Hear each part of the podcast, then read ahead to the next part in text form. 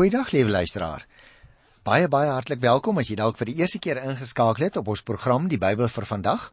Ons is besig om die Bybel deur te werk, so die Here wil van Genesis tot Openbaring so oor 4 of wat jare.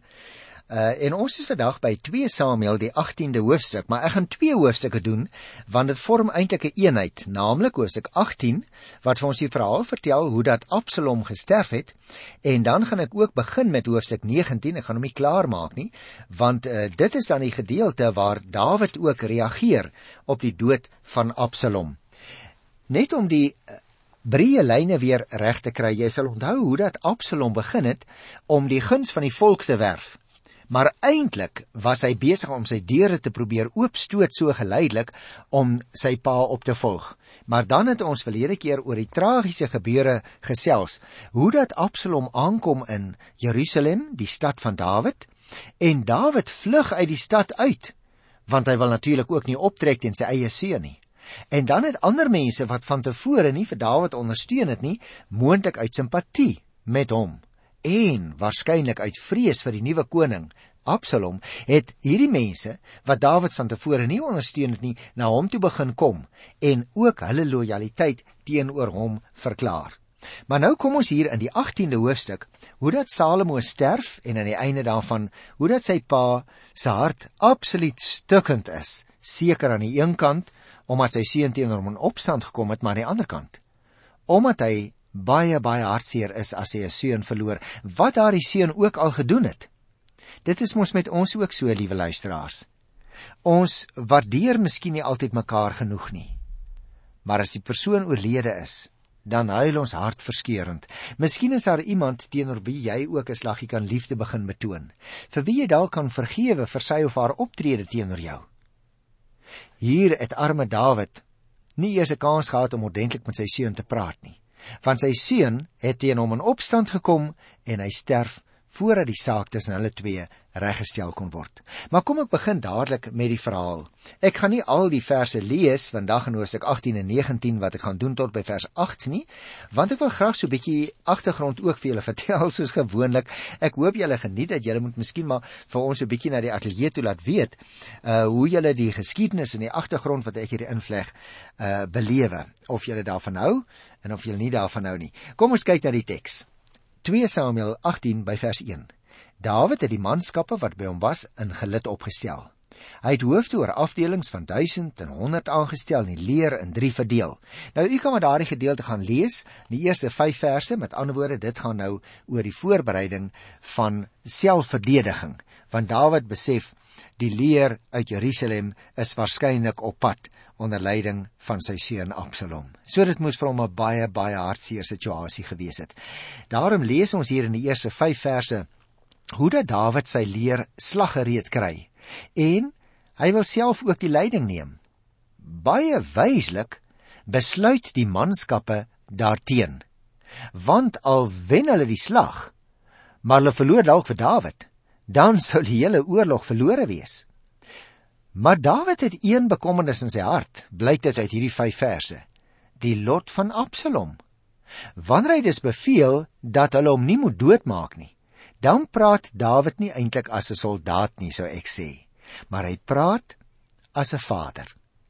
En daarom sê hy tog vir hulle: "Julle moet asseblief tog net my seun beskerm." Hy sê om die woorde presies aan te haal hier in vers 5b: "Werk om my ontwil." Tog saggies met my kind Absalom. Jy sien liewe luisteraar, dit is die hartklop van 'n vader wat ons hier tussen die reëls van die Bybel opmerk.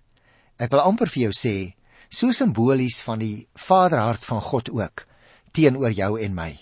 Ons word soms ontrou. Ons doen soms direk teen die wil van die Here sonde. En tog hou sy warm hart vir ons nooit ooit opklop nie. Hy verlang na ons. Hy wil hê dat ons tot inkeer kom. Maar kyk hoe verloop hierdie verhaal nou. Want hier van vers 6 af kry ons nou 'n hele klomp ander inligting. Die manskappe het toe in die oop veld teen Israel opgetrek. Daar het 'n geveg in die Efraimsbos ontstaan en Israel is deur Dawid se manskappe verslaan. Dit was 'n groot slagting. Daar het die dag nie minder nie as 20000 man geval. Die geveg het oor die hele landstreek versprei en op daardie dag het die bos meer lewens geëis as die swaard. Met ander woorde, liewe luisteraar, dit was 'n geweldige slag want ons moet onthou Dawid het baie aanhangers gehad en baie ouens het hom nou kom ondersteun. En Absalom, sy seun, was eintlik nie 'n baie ervare soldaat nie want hy het die hart van die volk begin wen, eintlik hulle hart gesteel met loop van tyd. Hy was meer 'n sagte persoon as regtig 'n baie goeie vegter. Ek wil graag hier optel by die 9de vers. Luister nou mooi. Dawid se manskappe het op Absalom afgekom waar hy op 'n muil gery het. Die muil het onder die digte takke van 'n groot akkerboom deurgegaan en Absalom se kop het in die boom vasgehaak. Die muil waarop hy gery het, het aangehou hardloop en Absalom het tussen hemel en aarde bly hang iemand wat dit gesien het, het aan Joab, nou Joab was die generaal, né, van Absalom se leer. Weet jy, ek het Absalom aan 'n akkerboom sien hang. Toe sê Joab aan die man wat dit vir hom vertel het: "Wat? Het jy hom gesien? Waarom het jy hom net daar en dan doodgemaak nie? Ek sou jou dan 10 silwerstukke en 'n eregordel moes gegee het." Maar die man antwoord vir Joab: "Al sou ek ook vir my 1000 silwerstukke met my eie hand kon aftel, sou ek nog nie my hand teen die koning se seun opgetel het nie.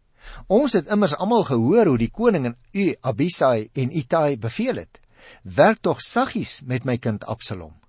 As ek verkeerd opgetree het, sou dit by die koning bekend word en dan sou u my nie meer gehelp het nie." Jy sien dis wat hier gebeur. Liewe luisteraar, en ek wil sommige van die verse uitlaat om net uh, die die oorsig daarvan vir jou te vertel. Want dit gaan hier spesifiek oor die dood van Absalom. Die Bybel sê eintlik as jy die verse lees soos ons nou gedoen het, baie min oor die geveg self, behalwe dat Absalom verslaan is. In die haas om te vlug, en dis daardie gedeelte wat ek nou gelees het, het Absalom se kop tussen hakies het jy opgemerk nie sy hare nie, soos ons soms dink in die omgangstaal, sy kop het in 'n boom vasgehaak. En toe sy muil, dit wil sê die koninklike rydier, toe nou onder hom uithardloop, het hy tussen die hemel en aarde op bly hang aan die boom. Die soldaat wat dit eers gesien het, weier op grond van Dawid se bevel om die hand aan Absalom se lewe te slaan. Joab het egter geen gevoel vir familiesentimente te midde van 'n veldslag nie. Hy self tref Absalom met 'n spies en hy laat sy wapendraers die res doen om te sorg dat Absalom dood is. Nou ek dink ons moet dit baie mooi lees as ons wil agterkom wat hier eintlik gebeur, liewe luisteraars, want die soldate het 'n baie duidelike opdrag van koning Dawid self gehad om nie Absalom dood te maak of hom te beseer nie, maar in die hitte van die stryd besluit een van die soldate, maar hulle gaan hierdie ou doodmaak toe hy hom daar sien hang. En dan hier van die 19de vers af. Agimaas, die seun van Sadok het gesê: "Laat ek tog hardloop en aan die koning die goeie tyding bring dat die Here hom van sy vyand verlos het." Maar Joab het vir hom gesê: "Jy is nie vandag die regte man om 'n tyding te bring nie. Jy kan op 'n ander dag boodskappe dra. Vandag doen jy dit nie, want dit is die koning se seun wat dood is." Toe beveel Joab 'n kusiet: "Gaan vertel vir die koning wat jy gesien het." Nadat die kusiet voor Joab gebuig het, het hy begin hardloop. Agimaas, die seun van Sadok, het weer vir Joab gesê: "Kom wat wil, laat ek tog net agter die kusiet aanhardloop." "My seun, waarom wil jy tog hardloop? Daar sal nie vir jou ook 'n boodskappersloon wees nie," antwoord Joab. "Dit maak nie saak nie, ek hardloop," sê hy. "Nou hardloop aan," sê Joab vir hom. Agimaas het toe met die pad deur die Jordaanstreek gehardloop en die kusiet verbygegaan. Ons kry dus hier twee boodskappers, die een word gestuur om te gaan deur die generaal, die ander een neem sommer eie inisiatief. Maar luisteraars, ons moet oplet want hier gaan nou eintlik 'n baie hartseer ding gebeur uh in hierdie uh verhaal want luister na vers 24. Terwyl Dawid in die stadspoort sit, klim die wag na die uitkykpos op die poort se dak. Hy kyk rond of hy nie dalk iets sien nie. En juis toe kom daar iemand alleen aangehardloop. Die wag roep toe en sê dit vir die koning. As hy alleen is, bring hy goeie nuus, sê koning Dawid. Terwyl die soldaat naderkom, sien die wag nog iemand hardloop en hy roep na die poortwagter, daar kom nog iemand alleen aangehardloop. En die koning sê: "Ook hy bring goeie nuus." Nou as ons nou hier in vers 24 van die stadspoort lees, dan moet jy nou onthou liewe luisteraar, dit is uh, daar by die dorp Maganaim. Dit was die plek waar Dawid mos afskeid geneem het van sy soldate, het ons gehoor in die 4de vers. Waarskynlik het die stadspoort 'n deur na buite gehad en nog een na binne. Daar was ook 'n goeie uitkykpos, lees ons, sodat die stad gewaarsku kon word as 'n vyand sou naderkom. Die feit natuurlik dat die wag hier in vers 25 net een persoon sien aankom aanvanklik was goeie nuus. Indien Dawid se leer verloor het, sou daar 'n klomp vlugtelinge aangekom het, maar nou is dit een enkel soldaat wat die aanduiding is hy is gestuur om goeie nuus te bring. En in die 26ste vers het ons te wete gekom dat daar nou nog 'n persoon uit 'n ander rigting aangekom het en dit het juis nou die vermoede versterk want hy kom nie uit dieselfde rigting nie. Hy hardloop nie soos 'n vlugteling nie. Hy lyk nie beseer nie en daarom word die afleiding nou deur Dawid gemaak Alles is in orde. Die slag is gewen en dit is goeie nuus wat gebring word. Hoe sou hy, ag, hoe sou hy tog kon weet van die lot wat sy seun Absalom getref het? Vers 27. Dit lyk my die voorsteene hardloop soos Agimaas, die seun van Sadok, merk die wag op. Hy's 'n goeie man. Hy kom met 'n goeie boodskap voeg die koning by.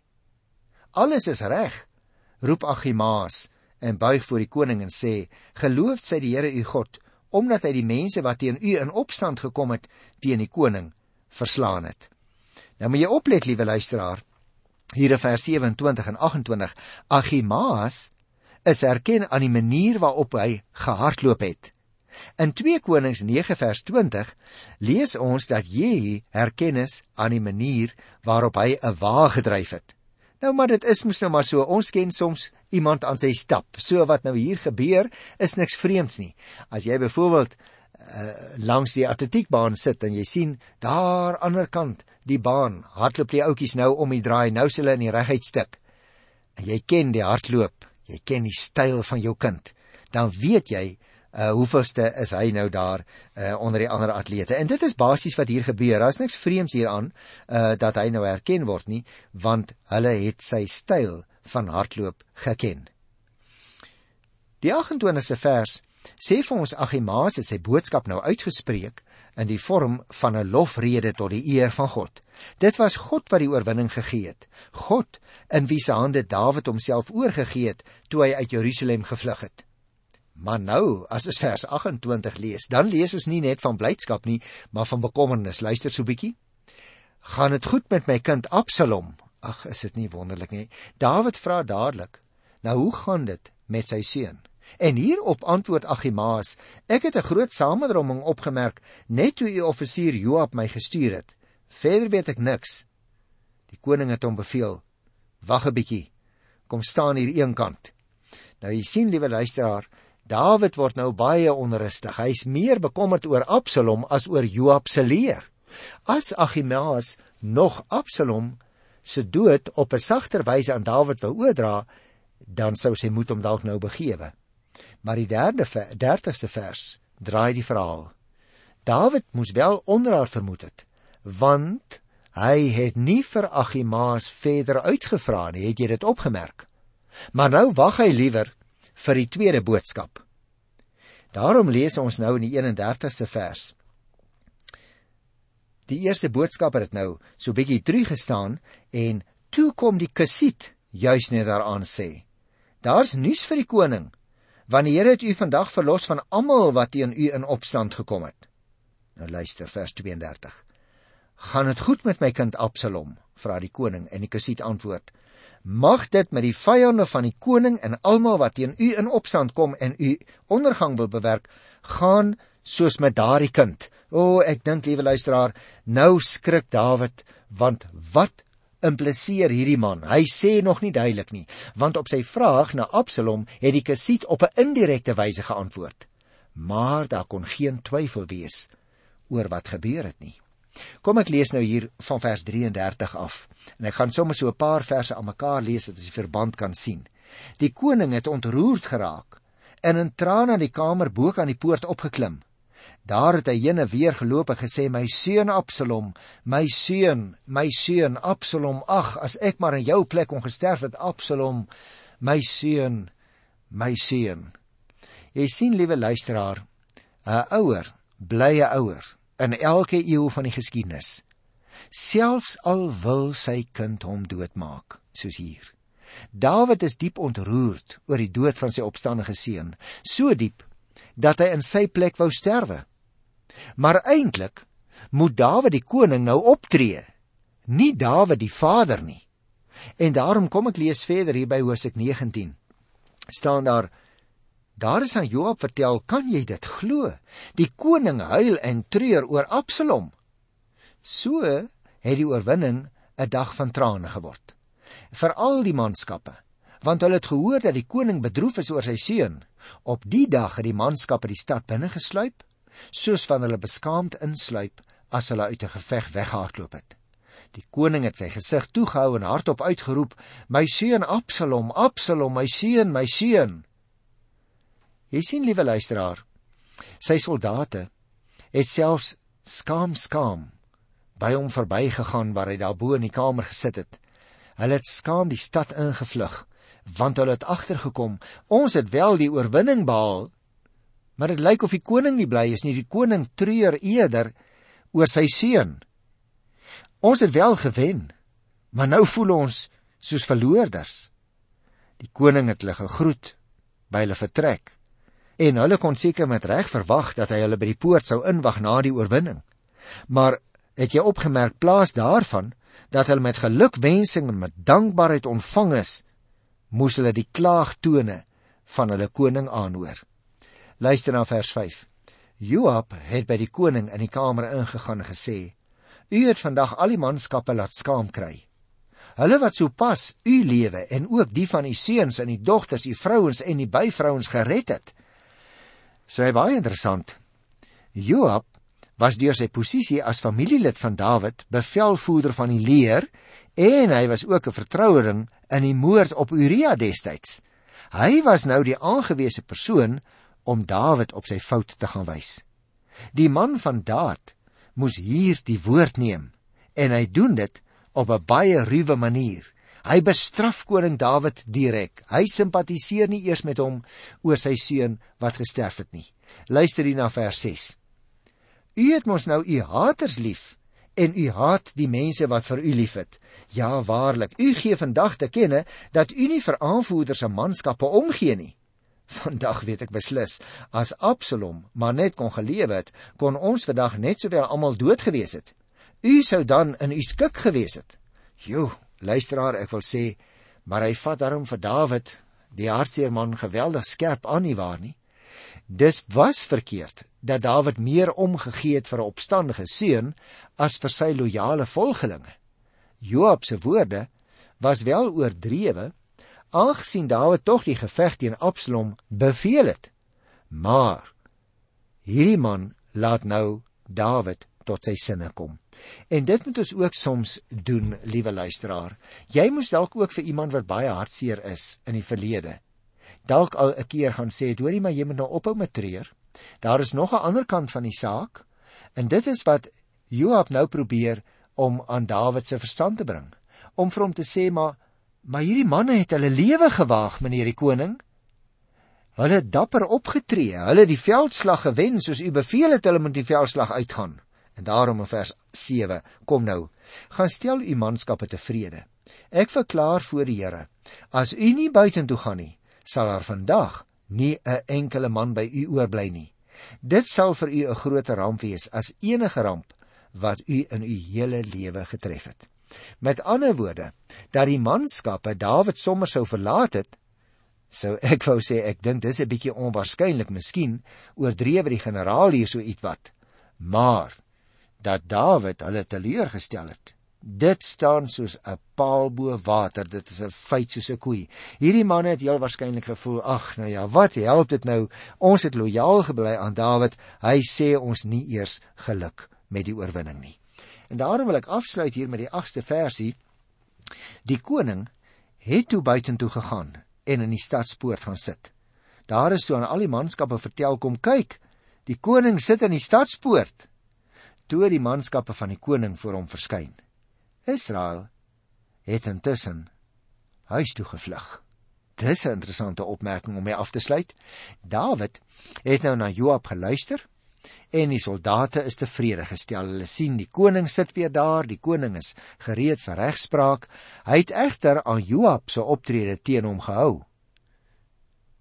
Israel van wie ons hier lees, laat ek weer die sinnetjie lees. Israel het intussen huis toe gevlug.